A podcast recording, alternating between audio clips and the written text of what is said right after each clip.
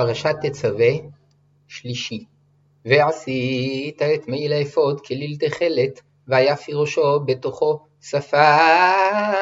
יהיה לפיו סביב מעשה הורג, כפי תחרה יהיה לו, לא יקרע, ועשית על שוליו רימוני תכלת וארגמן ותולעת שני על שוליו סביב, ופעמוני זהב בתוכם סביב, פעמון זהב ורימון פעמון זהב ורימון על שולי המעיל סביב, והיה על אהרון לשרת ונשמע קולו בבוא אל הקודש לפני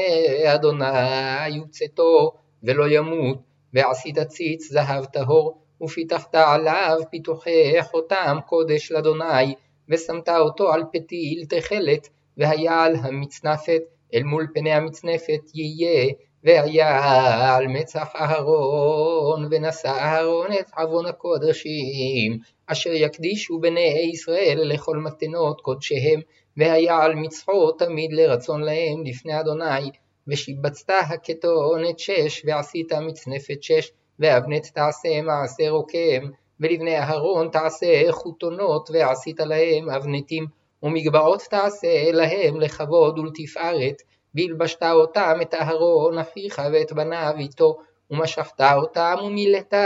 את ידם, וקידשת אותם וכיהנו לי, ועשה להם מכנה שבד לכסות בשר ערווה, ממותניים ועד ירחיים יהיו, והיו